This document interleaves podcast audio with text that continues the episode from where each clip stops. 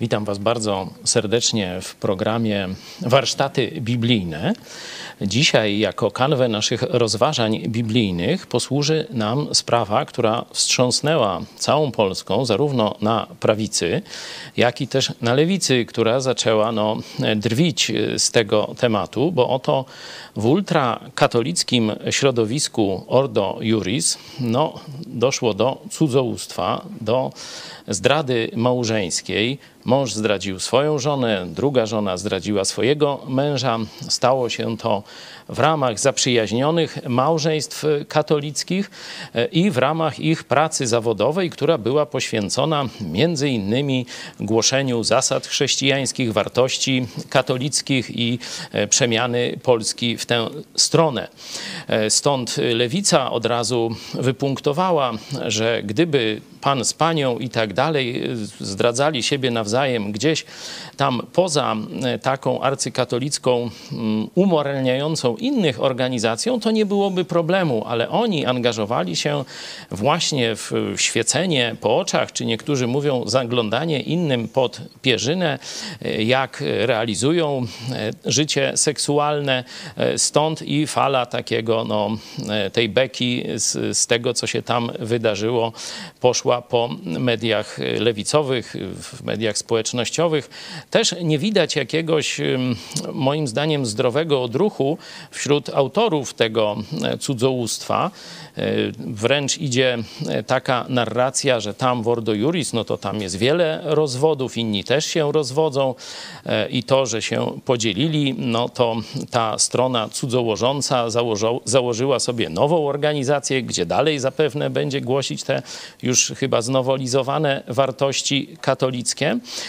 Dzisiaj nie będziemy omawiać szczegółów, nie będziemy też pokazywać tej beki, która poszła w świat i tego zgorszenia, które e, dali e, pan Zych i pani e, Pawłowska, ale porozmawiamy o tym, w jaki sposób ten skandaliczny antyprzykład powinien na nas wpłynąć. Też dlaczego do tego doszło, jakie zasady biblijne zostały złamane.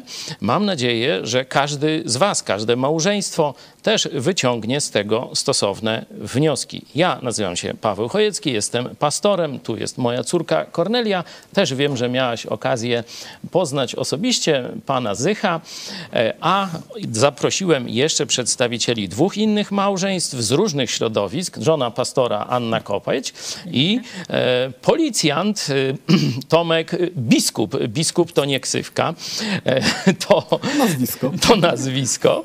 E, także e, wiemy, że środowisko służb mundurowych, środowisko policyjne to jest środowisko trudne, jeśli chodzi o moralność, e, o wierność małżeńską. Stąd mam nadzieję, że też zdanie policjanta, który jest mężem, ojcem, chrześcijaninem będzie dla Was cennym uzupełnieniem. Na początek być może ktoś z Was chciałby powiedzieć o swoich pierwszych wrażeniach, kiedy ten skandal zaczął się pojawiać w mediach społecznościowych. To ja mogę powiedzieć, że tak sobie pomyślałam od razu, że właśnie tak się kończy e, teoretyczna wiedza e, bo właśnie jak wiemy w katolicyzmie to do małżeństwa przygotowują księża, który... Oj Aniu, ty masz takie dobre zdanie o księżach. Ja myślę, że wielu z nich praktykuje. No dobrze. Statystyki dobrze. pokazują, że 56% chodzi na baby. No właśnie i dlatego 10% wiecie czym się zajmuje. No, no to właśnie dlatego takie efekty, ponieważ widać, że poza teoretyczną wiedzą przekazują wiedzę praktyczną, no i no, właśnie, e, czyli e, na, naśladowcy naśladują swoich nauczycieli. No i, i właśnie taki mamy efekt. Tak sobie pomyślałam, to moje były pierwsze wrażenia. Ty, Kornelia, po, poznałaś osobiście tę religijną, katolicką e, prawicę. Poznałaś też pana Zycha parę lat temu na którymś ze zjazdów młodzieżowych. Jakie miałaś wrażenia po kontakcie z tymi ludźmi? Jak oni reagowali na to, że jesteś protestantką? Tak, Tymoteusza Zycha poznałam kilka lat temu w Opolu. To był zjazd różnych takich e, środowisk patriotycznych, prawicowych. I to było kilka minut rozmowy, jakoś tak szczególnie go nie zapamiętałam, ale miałam takie generalne wrażenie po tych ludziach, że e, kiedy na przykład oni się dowiadywali, że, że my jesteśmy protestantami, no jednak było to poczucie wyższości, także to właśnie oni są ci e, prawdziwi e, prawicowcy, katolicy, także taka postawa wyższości też u niego myślę, że się przejawiała, no i też u, u innych osób z tego środowiska. No jak dowiedziałam się o tym skandalu, no to takie pierwsze moje myśli, no to taki smutek, że coś takiego się wydarzyło, ale nie byłam za bardzo zdziwiona w sumie tą Tak. sytuacją. Bardzo podobne miałem też myśli. Smutek, ale bez zdziwień. Nie? To było tylko kwestią czasu, że do tego musiało dojść. Dlaczego tak twierdzę? E, Zobaczcie sobie na przykład list do Kolosan, jeśli mogę poprosić ten e, werset, żebyśmy go sobie razem zobaczyli. Tam przedstawiona jest religia, albo raczej szerzej różne religie. Religię definiuje jako ludzkie wymysły, lepsze lub gorsze, na temat tego, jak człowiek powinien żyć, żeby się podobać Bogu e, i jak powinien żyć, żeby spełniać Jego e, przykazania, Jego wolę. Nie? E, Często do tego są jeszcze dodane różne takie rytuały, takie teatry, przedstawienia, sakramenty, żeby to tak uwiarygodnić przed ludem. E, Wiecie, pamiętacie faraon, no to nawet umieli przepowiedzieć za- zaćmienie słońca. Teraz są cień, e, bardziej cienkie bolki. Nie, to tylko mówią, że opłatek zmienił się w Boga e, i każdy ma uwierzyć, że to jest cud. No, nikt tego nie jest w stanie stestować. Tam przynajmniej ci kapłani w Egipcie się trochę starali, no bo pokazywali ludy, zobaczcie, zaraz tu słońce zajdzie na nasze słowa z powodu waszych grzechów. No i mając matematyczne uzdolnienia i wiedzę, no nawet potrafili to zrobić ci. No zobaczcie już jak nisko lecą lotem koszącym, a i tak skutecznie. Y, Apostoł Paweł właśnie przestrzega przed taką ludzką religijnością. Mówię, ma ona pozory, pozory takiego nadęcia, takiej prawdziwości, takiego sakrum, nie? Ale w rzeczywistości jest, mówiąc już kolokwialnie, o dupę obić, jeśli chodzi o opanowanie rządz i zmysłów.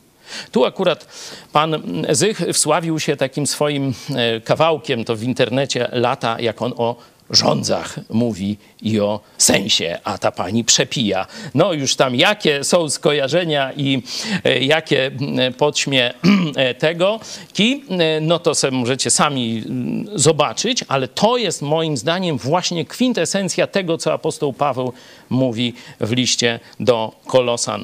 Religia nie daje żadnej pomocy nad zmysłami. Czyli inaczej mówiąc, człowiek religijny jest dokładnie tak samo kuszony i nie ma żadnej mocy, żeby się przeciwstawić pokusom.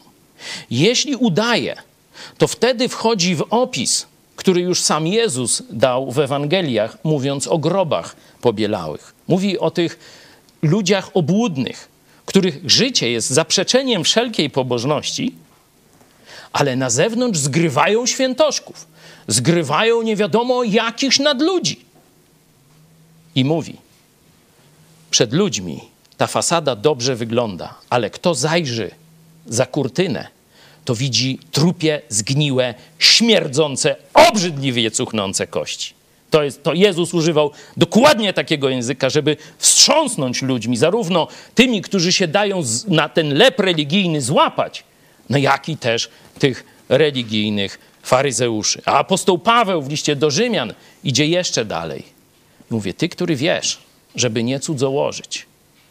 Przecież pan Zych nawet tam wygłaszał jakieś nauki, jak to nie cudzołożyć i jak to rządzę z sensem pokonywać, a pani Pawłowska popijała i nie mogła się wręcz opanować. Tak to wyglądało. No ja, ja mówię, do dzisiaj sobie z tego robią.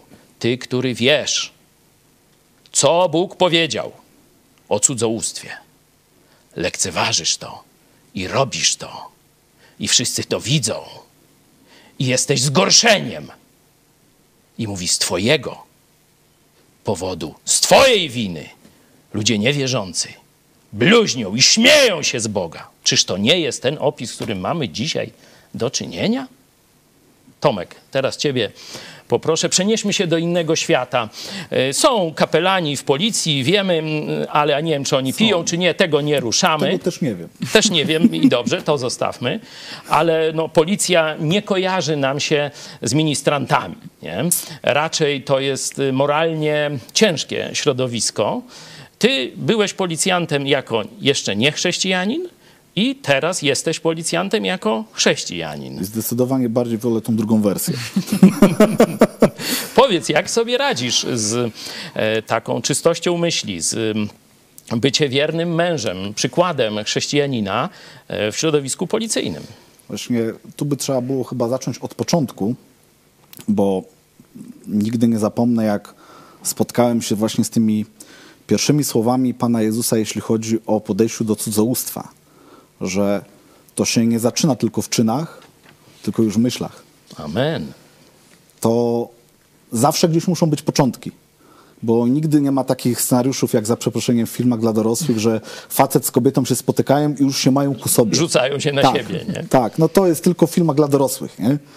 A w prawdziwym życiu to się zaczyna kiełkować najpierw w głowie przez wzrok, przez porządliwe patrzenie. I pamiętam, jak pierwszy raz spotkałem się ze słowami Pana Jezusa, który mówił już o tym, że jesteśmy winni cudzołóstwa, kiedy porządliwie patrzymy na inną kobietę. Ja się zastanawiałem, mówię, no, no Panie Jezu, dlaczego ta poprzeczka tak wysoko? No tak. To tak ciężko, nie? Przecież w dzisiejszych czasach każdy, każdy mówi, że jak chłop patrzy się na inną kobietę, to jest to coś zdrowego. Ale dzięki Bogu możemy wiedzieć, że to idzie ku złemu, jeśli ma się żonę. I właśnie jeśli jest ta świadomość w głowie, za każdym razem, kiedy już się spotykamy z jakąś taką pierwszą małą pokusą, Amen. to już nie tłumaczymy sobie tego w głowie i, i, tylko dzięki Bogu nie tłumaczymy sobie tego w głowie, że to jest normalny przejaw. Czemu się nie popatrzeć? E, w głowie już kiełkuje taka myśl, dzięki temu, co Pan Jezus powiedział, że to jest zło, że ja mam się na kogo przecież patrzeć, ja mam żonę. Amen. I w momencie takim, kiedy jest się wiernym słowie, słowu naszego Pana, to to zaczyna kiełkować. To ta praktycznie świeżość do żony, świeżość nawet porządliwości do żony jest cały czas na tym samym poziomie albo i nawet wzrasta. Ja y, żyjąc jeszcze jako e, osoba, która była ateistą, osoba, która nie była nawrócona, miałem tam jakieś może epizody z katolicyzmem, zawsze twierdziłem, że te wszystkie tezy na temat małżeństwa, które znamy ze świata, że no, po jakimś tam czasie małżeństwo po prostu opada i to jest po prostu byt. Byt skazany na, na to, że po jakimś czasie no, trzeba go jakoś tam odświeżać, że każdy coś ma swoje za uszami i tak dalej. To, to w dzisiejszych czasach jest taką niestety, ale normalnością. Tylko, że ta normalność prowadzi właśnie do zdrad, do rozpadów rodzin, do tego, że nasze dzieci e, oglądają taką to no będzie taki oksymoron, ale czystą niemoralność tak. w ich, wydaniu normalności. Ich nie? cała, można powiedzieć, wiara w świat, w dobro, tak. ich y, cały fundament zostaje w tym momencie. Ja wiem, bo moi rodzice się rozwiedli, kiedy tam miałem 6 lat mniej więcej, to wiem, co to znaczy, że to tak, tak. jakby ci ktoś stołek spod nóg wyciągnął i lecisz w przepaść. nie? Tak. To to robimy swoim dzieciom, kiedy, kiedy zdradzamy e, w małżeństwie, kiedy się rozwodzimy i tak dalej. No, nie wiem, czy w tym Ordo Juris o tym nie wiedzieli, że tamte rozwody są na porządku dziennym? No, podejrzewam, że świadomość, świadomość tego ma każdy, tylko właśnie nazywanie tego, nazywanie rząd czymś normalnym jest w, w dzisiejszych czasach na porządku dziennym. I w służbach mundurowych y, bardzo często jest tak, że policjanci no, mają styczność z różnymi, z różnymi grupami społecznymi. E, Niezbyt moralnymi, tak dodajmy. Bywa różnie. Są jedni bardziej, drudzy mniej. E, każdy policjant na drodze musi jakby nie patrzeć, w pewnym momencie zamieniać się w takiego psychologa, żeby w ogóle zrozumieć jakiegoś człowieka. E, czasami trzeba wtopić się w tłum i jest się po bardzo cienkiej linii barykady, jeśli chodzi o moralność. Hmm. Trzeba wiedzieć mniej więcej, w którym momencie trzeba postawić granicę, odciąć się od pewnych zachowań. I e, szczerze powiedziawszy, nie ma, moim zdaniem, mam nadzieję, że, e, że wielu sobie z tym radzi, ale moim zdaniem bez, bez zbawcy, bez Jezusa, bez tego fundamentu, który On kładzie w swoim słowie, ja twierdzę, że nie ma szans. Że człowiek pęknie. Bo cały czas teraz mówię o sobie. Ja, na, ja uczę się cały czas nie polegać już na sobie.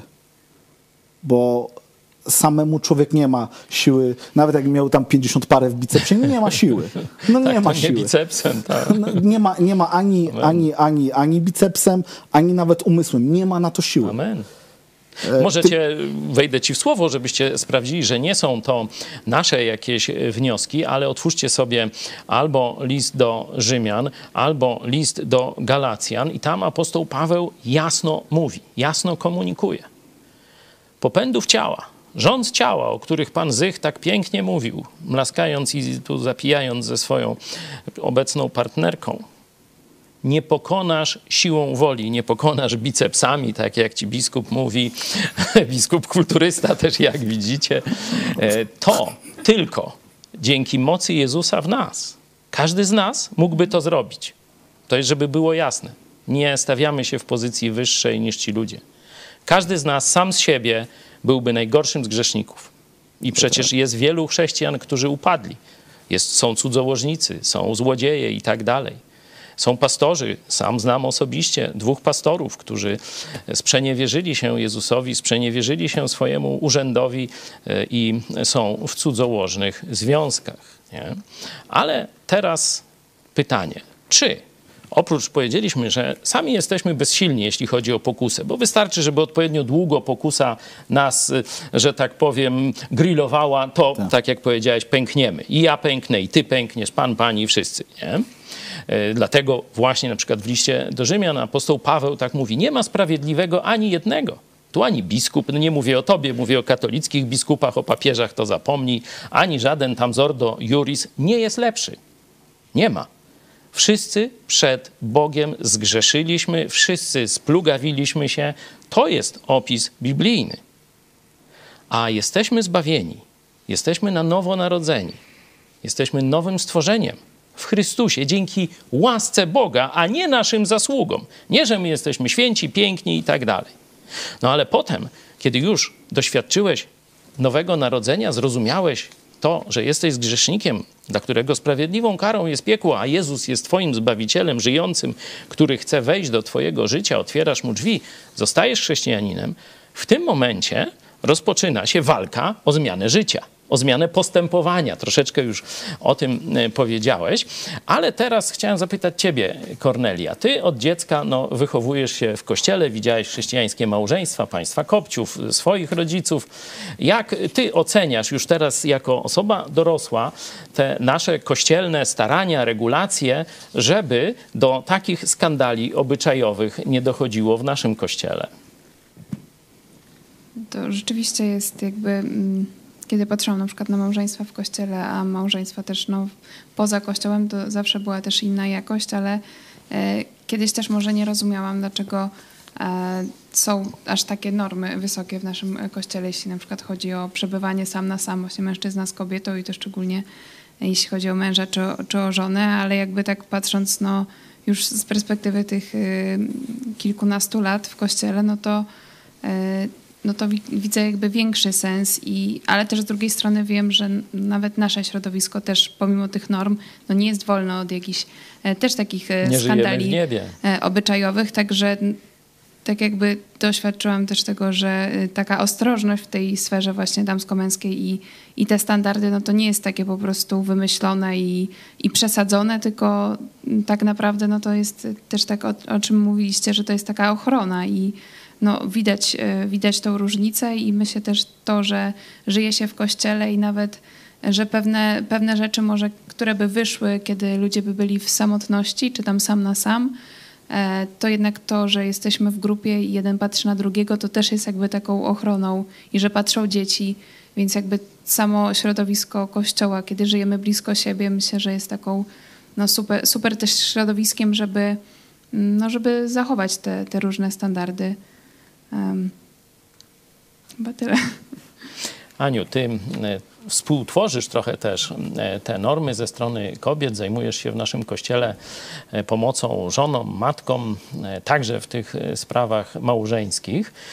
Jak ty oceniasz to, jakśmy dochodzili do tych norm biblijnych, jak, bo są jasne normy biblijne, no na przykład w liście do Hebrajczyków, no oczywiście są te słowa, żeby tam nawet porządliwie nie spojrzeć na niewiastę, ale są już takie bardziej szczegółowe normy, na przykład małżeństwo, w liście do Hebrajczyków, małżeństwo niech y, będzie we czci u wszystkich, nie? czyli trzeba jasno oddzielać y, małżeństwo od y, innych, że tak powiem, stanów wolnych, nie? że to jest coś wspaniałego, coś niezwykłego, ale coś zobowiązującego, a łoże, tu dokładnie jest seks, ma być nieskalany. Nie? To jest w liście do Hebrajczyków. No i teraz tę jasną zasadę Pisma Świętego trzeba ubrać w jakieś formy E, życia. Jak oceniasz to, jakśmy dochodzili do tych form, bo przecież, przecież tutaj no, mamy za sobą bycie taką młodzieżową grupą, studencką, później wchodziliśmy w dorosłość, zaczęliśmy czyście się żenić, wychodzić za mąż, nie? Potem się pojawiły te problemy, teraz już mamy te 30 lat za sobą, mniej więcej takiej, takiego życia chrześcijańskiego. Jak ty na to patrzysz właśnie w porównaniu z tym, jak byłaś 16-letnią dziewczyną, bo się chyba wtedy nawróciłaś, nie? No i teraz, jak już jesteś żoną i matką. No, to właśnie jest e, nieustanne rzeczywiście e, poszukiwanie e, tego, co jest dobre i właśnie mówię, no, rzeczywiście tu się zgodzę z Tomkiem absolutnie, że że to jest poleganie ciągłe na Bogu i Jego proszenie o pomoc. Nie? To, to ja to widzę przez te tyle lat małżeństwa, że, że różne były e, kryzysy i różne były jakieś wątpliwości, ale zawsze właśnie można się do Boga odwołać i, i myślę, że to jest też taki niezbędny czynnik, że E, że Bóg e, jest wierny i właśnie daje mądrość, daje odpowiedź. Czasami naprawdę nie spodziewamy się nawet z której strony, e, ale jeżeli człowiek jest szczery przed Bogiem, to, to naprawdę ta odpowiedź nadchodzi. Właśnie tu jest, myślę, jakby cała też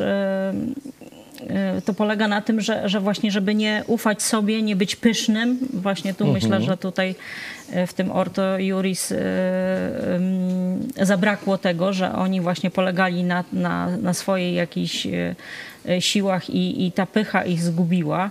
I myślę, że tutaj jest właśnie taka pokora wobec Boga, że wie, wiemy, że, że, że sami właśnie to niewiele możemy zawojować. No i też myślę, że, że to też jest takie ciągłe badanie swojego serca, no bo E, właśnie mieliśmy różne sytuacje też w kościele i, e, i, e, i właśnie myślę, że tutaj po prostu małżonkowie muszą badać swoje serce i ja bym dała taką radę, że uciekać, jak widzę, że już właśnie moje myśli się tak. gdzieś tam tak. E, zbliżają nie tam, gdzie potrzeba. Uciekać od tej sytuacji. Tu właśnie też miałam e, taką myśl, że ci państwo razem prowadzili program, razem wiele rzeczy robili. No to naturalne się stało. No oni wcześniej się, e, no przynajmniej z mediów tak wynika z relacji mediów, że, że oni się wcześniej znali, przyjaźnili się, no ale właśnie czy nie zaburzyli tej e, jakiejś proporcji, że e, ta pani z, z nie swoim mężem spędzała więcej czasu niż, niż ze, ze swoim. Ta, najpierw to były niewinne rozmowy, tak w cudzysłowie, tak, niewinne. No a teraz mamy aferę kompromitującą całą tę organizację i niestety kompromitującą chrześcijaństwo, bo mylnie, ale jednak katolicyzm zalicza się do chrześcijaństwa. Mylnie dlatego, że na Soborze Trydenckim, czyli mniej więcej 400 50 lat temu katolicyzm oficjalnie odrzucił Ewangelię o darmowym zbawieniu w Chrystusie i zaczął polegać na sakramentach i swojej sile do dobrych uczynków. No to się właśnie tak e, skończyło jak e, w tej e, katolickiej organizacji. Tu dwie rzeczy warto podkreślić. Po pierwsze, pycha poprzedza upadek. To zarówno w Starym Testamencie tę prawdę znajdziemy, jak i w Nowym Testamencie, a każdy z nas doświadczył tego w życiu. Pycha poprzedza upadek. Dlatego e, pierwszą rzeczą, żeby stawić, mówię już dla chrześcijanina zbawionego, żeby stawić czoło pokusie, sam nie dam rady. To mój Pan Jezus Chrystus jest moją mocą do walki z grzechem. Sam jestem bezsilny. Sam ulegnę pokusie. Jeśli ktoś zacznie tu rumakować, no toż tam się skończy, jak y, tam widzieliśmy na załączonym obrazku. No i druga rzecz, to co Aniu poruszyłaś, nie? to jest kontekst kulturowy. Każda kultura ma swoje, y, wiecie, jakby mm, E, cechy, w takim sensie, że tam w jednej kulturze, no to tam kobiety chodzą w tych różnych workach na, na głowie, czy, czy różnych takich rzeczach, no to zakonnice katolickie trochę, ale już wiemy, że tam też y, seks jest, z gwałty na dzieciach, gwałty na zakonnicach, tam, że nic te habity nie pomagają, nie? ani te sakrosągi, ani jakieś tam inne sakroznaki i, i te rzeczy. To jest to, co apostoł Paweł w liście do Kolosan pisze, to są całkowicie bez mocy wymysły ludzkie, które żadnych rząd nie opanowują, a wręcz jeszcze może i eskalują, nie? bo to taki, wiecie, w kółko myślą o jednym, taki owoc zakazany. No ale mamy nasz kontekst kulturowy, no dziewczyny mniej więcej tak już się ubierają e, współcześnie, mamy tam różne, e, tam już odejście od takiej, jak to kiedyś było, że oddzielne były tam dziewczynki w szkołach, chłopcy, nie, tam teraz mamy koedukację, e, praktycznie równouprawnienie. Stąd takie rzeczy, no niby normalne, że pan Zych z panią e, tam jak, pa, pa, Pawłowską e, sobie przygotowywali i prowadzili programy i razem bronili wartości. Nie? No i teraz pytanie, nie? czy tu nie nastąpiło właśnie to złamanie e, tych, można powiedzieć, zasad. Nie? Mhm. Czy, znaczy to już wiemy, że nastąpiło w ten sposób. Nie? E, oczywiście, można mówić, że mamy dość e, restrykcyjne zasady w tym względzie. Cornelia o tym troszeczkę mówiła, ale po prostu bierzemy pod uwagę naszą słabość. Ja nie wiem, w, jakim, w jakiej kondycji duchowej w tej chwili jest Tomek, Ania, czy jeszcze ktoś inny, nie? Może ja jestem w dobrej kondycji, no o tym powinienem wiedzieć, ale nie wiem, w jakiej ten, ten czy tamten, nie? Czyli nie doprowadzamy, to właśnie tak rozumiem zastosowanie między innymi tego niech łoże, e, niech małżeństwo będzie we czci u wszystkich, zastosowanie tej części tego wersetu z listu do hebrajczyków, że staramy się pielęgnować, by e, w kontekstach kulturowych nie nastąpiła sytuacja, w której mąż czy żona byliby zazdrości. Nie? Czyli teraz na przykład no, nie ma z nami żony Tomka, serdecznie cię pozdrawiamy, ale mam nadzieję, że wiesz, tu mówię do żony Tomka, że kiedy jest, Tomek jest w tym gronie, absolutnie w tym obszarze nic mu nie zagraża, bo mamy zasady i też można zobaczyć nasze życie. Nie? Że tu będziemy siebie nawzajem, to co Cornelia powiedziała, że to jest ta kontrola społeczna. Nie? Widać, że w tym Ordo coś tam zabrakło kontroli społecznej że nikt na czas, bo przecież to było widać, że się oni zaczęli do siebie ślinić, migdalić oczka i tak dalej. Albo któreś z nich powinno powiedzieć dość, nie możemy dalej się spotykać, zmień pracę, ja zmieniam pracę, y, nie, nie tego. Albo ktoś z boku powie, ogarnijcie się, bo przekroczyliście granicę. Nikt tego nie zrobił, nikt nie pomógł, jak widać bo oni do końca dalej, dopiero już wiecie, jak już wszystko mleko się rozlało, już rozwody poszły, no to dopiero teraz jest rozłam i tak dalej, nie? To widać, że ta, to środowisko katolickie nie dało pomocy tym ludziom, nie? Nie chcę ich, wiecie, w żaden sposób uniewinniać, nie? Bo to oni są odpowiedzialni za to cudzołóstwo, ale e, rola społeczności, jeśli to jest społeczność chrześcijańska, jest bardzo ważna, bo my po pierwsze uczymy się od siebie nawzajem, Żaden z nas nie rumakuje. Jestem chrześcijaninem, Duch Święty mieszka we mnie, żadna pokusa mnie nie ruszy. Bym był jełopem skończonym i każdy to widzi. Zarówno od młodego chrześcijanina, jak i od pastorów, najstarszych wiekiem chrześcijan, wymagamy przestrzegania tych samych zasad. Jeśli chcesz pogadać z kobitką, masz swoją żonę, to se gadaj. Nie? Ja bardzo rzadko sam na sam e, z kobietami rozmawiam, a jeśli to się dzieje, to staram się, żeby to było gdzieś przy świadkach, żeby gdzieś byli inni ludzie, e, czy kogoś zapraszam do tej rozmowy, nie? czy właśnie siadam, o tak, tu wszyscy siedzą, a ja siądę z jakąś kobietą, jeśli ma jakąś tam osobistą sprawę, ale też od razu, zaraz korzystam z pomocy starszych kobiet, na przykład Ani. Mówię, słuchaj, no fajnie, dzięki, ale lepiej ci pomoże na przykład Ania. Nie? Jest doświadczoną żoną, idź i z nią pogadaj. Bo ja miałem takie podchody i to już nie będę tam wam odpowiadał, że, że kobietki chciały się mnie radzić, nie? A ja czułem, że coś jest nie tak. On mówi, hola, do widzenia, proszę, se pogadaj tu za nią, albo z moją żoną i coś takiego, nie?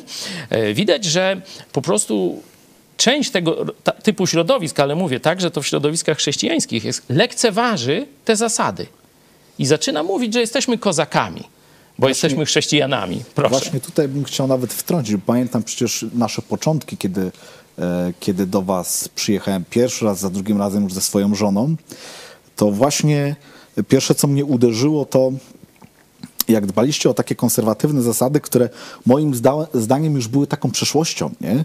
gdzie jak nawet któraś z osób, y, którą nazwałbym siostrą w Jezusie, chciała porozmawiać, gdzieś zawsze towarzyszyła mi druga osoba, mężczyzna i tak dalej, gdzie no tak sobie myślałem, no, no przecież ja bym sobie dał z tym radę, nie? jakoś bym to ogarnął głową. E, potem właśnie, kiedy tak zacząłem się patrzeć na to z boku, jaki, jak człowiek, jak ja, e, potrafiłbym nawet w takich chwilach, kiedy bym się z żoną pokłócił nawet, e, spojrzeć się czasami bardziej przychylny w stosunku ku innej kobiecie, cieplej z nią porozmawiać, a żonę gdzieś na bok zostawić, jakby to było w ogóle, jakby to było postrzegane, do czego to była droga. Amen. Tak. I, Trzeba i, mieć wyobraźnię, tak, a nie... I, i, I, pamiętam, pamiętam właśnie, to mnie, to, mnie, to mnie bardzo mocno uderzyło, jak, jak w pierwszej kolejności, kiedy właśnie z żoną przyjechałem na, na taki zjazd, jak mocno, mocno dbaliście o to, żeby, żeby gdzieś tam pomimo tego, czy, czy tam z żoną się mogłem trochę pokłócić, czy też ona miała troszeczkę inne humory y, związane y, z naszym, z naszym przyjazdem y, na, na, na spotkanie chrześcijan, to, to jednak gdzieś ta cały czas była dbałość o to, żeby żeby, żeby relacje z żoną nie były e, zaniedbane tym, żeby można mnie było zostawić e, w takiej samotnej rozmowie z innymi kobietami. I tak, i to się wydaje tak, i to na się pierwszy wydaje, rzut oka, że takie tak, staroświeckie normy. Tak Gdzie... jak pamiętacie taką scenę z Ojca Chrzestnego, jak tam ten mniejszy jakąś Al Pacino, nie? Jakąś tam przygruchał sobie panią na Sycylii, nie? I idą tam przejść się po, na świeże powietrze i tutaj kamera najpierw ich pokazuje, a później drugi plan, a tam taki tabunik starszych kobiet idzie za nimi. Oczywiście to jest taka, no, jak gdyby wersja E, żartobliwa tak. tego, ale to, co powiedziałeś, odpowiedzialność społeczna, to, nie, to naprawdę nie jest takie głupie i to działa. To Bóg stworzył, można powiedzieć, społeczeństwo, to Bóg stworzył też te więzi ludzkie w kościele i tu musimy małżeństwo niech będzie we czci, poszanowaniu u wszystkich. To musi być ewidentne, że małżeństwo jest szczególną więzią i tu nikt nie może się wpieprzać, nikt nie może wchodzić. Jest taka inna książka, gdzie e, coś tam było o takim, mm, takie poradnictwo małżeńskie i tam jest, że y, twoje małżeństwo to jest jak twój ogród otoczony murem. I teraz świat zewnętrzny stara się ten mur rozwalić, nie? I tam coś ci to podrzucać, nie? Także może ten obraz e, wam pomoże. No, trochęśmy pogadali, zobaczyliście, co Biblia mówi na temat życia małżeńskiego w kontekście walki e, z pokusą. Jeśli byście chcieli dalej kontynuować ten temat, jeśli macie pytania, jeśli potrzebujecie więcej wiedzy, oczywiście piszcie do nas kontakt małpa megakościół.pl. Postaramy się e, odpowiedzieć na wasze pytania. Ale to, co chcę, żebyście na pewno zapamiętali z, tej, e, z tego programu i też z tej niechlubnej lekcji Zordo Juris. Jesteśmy słabi. Ty jesteś słaby, ja jestem słaby. Jeśli chcesz być mocny, musisz się oprzeć na Jezusie Chrystusie sam z siebie polegniesz. To być może niektórych z Was doprowadzi do świadomości, że jeszcze nigdy tak naprawdę nie złożyliście swojego zaufania na Chrystusie. Być może jesteście ludźmi religijnymi, e, być może chodzicie do kościoła na msze i na różne tego typu obrzędy, ale nie jesteście chrześcijanami właśnie w tym najgłębszym, prawdziwym sensie. Nigdy jeszcze osobiście Nie przyszliście do Jezusa jako grzesznicy, którzy zasługują na potępienie. Jest taki obraz e, Jezusa jako ratownika. Bo nie wiem, czy wiecie, że słowo zbawienie oznacza ratowanie. Zbawić oznacza uratować, czyli zbawiciel to już nie z policyjnych, ale powiedzmy ze służb WOPR-u, to jest ratownik. Jezus jest ratownikiem. Ale kiedy człowiek szczerze może zawołać po policjanta, po ratownika? Kiedy naprawdę ma ciepło koło tego. Nie? Kiedy ma świadomość, że ginie. Nikt nie zawoła prawdziwie do ratownika, zwykłego tego morskiego czy rzecznego, ratuj, jeśli się nie topi. Jeśli nie ma świadomości, że może to jest już jego ostatni oddech, że jeszcze może krzyknąć. Inaczej mówiąc, dopóki nie zrozumiesz, że jesteś grzesznikiem paskudnym, który zasługuje na potępienie. Nie masz nic na swoje usprawiedliwienie. To, że koledzy tak robią, to, że koleżanki, to, że nie, nie mogłeś, nie umiałeś albo tak wyszło, to nie są żadne usprawiedliwienia. Przed Bogiem to nic nie znaczy. Zgrzeszyłeś. Ja też grzeszyłem. I zasługiwałem na piekło. Ty dziś zasługujesz na piekło, jeśli jeszcze nie zawołałeś poratownika. A Jezus czeka. Jezus jest tuż koło ciebie i chce, żebyś ty wreszcie rozpoznał swoją beznadziejną sytuację moralną, duchową, jeśli chodzi o przyszłość, o to, że grozi ci piekło. I żebyś wreszcie zawołał: Jezu, ratuj. On tylko na to czeka. On chce cię uratować. On chce cię wyciągnąć i posadzić na pewnym gruncie. On chce cię wziąć do swojego nieba. Nie czekaj.